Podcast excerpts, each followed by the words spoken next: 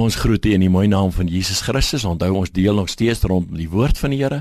Psalm 107 en vers 20 sê: Die Here het sy woord uitgestuur om hulle gesond te maak en hulle die kuile uit te red. My so mooi dat hier staan dat die Here het sy woord uitgestuur. Wat verskriklik belangrik is, dat ons daar raak sien die krag en die vermoë van dit wat God gesê het. God het sy woord uitgestuur. Hebreërs 4 vers 12 sê: "Want die woord van God is lewendig, kragtig en skerper as enige tweestene swaard, dring deur tot die skeiding van siel en gees, gewrigte en marge beoordelaar van die oorlegginge van die mens se hart." So as die Here sy woord uitgestuur het, ons het vroeër gesien dat in Johannes 1 sien ons dat Jesus sê dat hy was in die begin by God. Die woord was God. So met ander woorde, ons kan met alle vrymoedigheid vanaand sê dat Jesus is die woord van God op die aarde.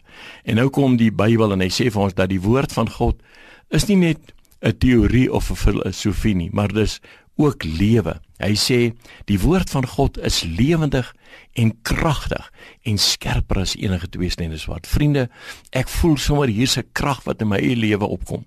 Dat wanneer ek dink aan die lewe in God se woord. Hy het sy woord uitgestuur. Hy het Jesus na die wêreld toe gestuur. Hy het hom na jou toe gestuur om ons van ons sonde te verlos.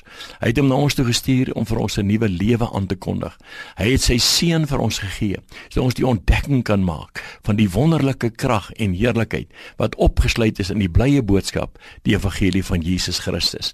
En daarom wil ek u aanmoedig is dat ons elke dag uit hierdie onuitputlike bron van die woord van Here sal ontdek dat die Here sy woord na ons toe gestuur het. Ek voel eintlik baie bevoorreg om te dink dat ons wat dit nooit verdien het nie, wat nooit iets gedoen het sodat ons God sou beïndruk het of dat ons so iets sou gedoen het wat God sou laat veroorsaak dat hy in ons sou belangstel nie, dat hy sy woord na ons toe gestuur het. Vader, ons bid vandag dat daar 'n nuwe betekenis rondom u woord sal kom. En ons wil vir u baie dankie sê dat u die woord nie net uitgestuur het nie maar dat u die woord na ons toe gestuur het na my toe gestuur het na die persoon wat luister toe gestuur het. Ons vra dit alles om Jesus ontwil. Amen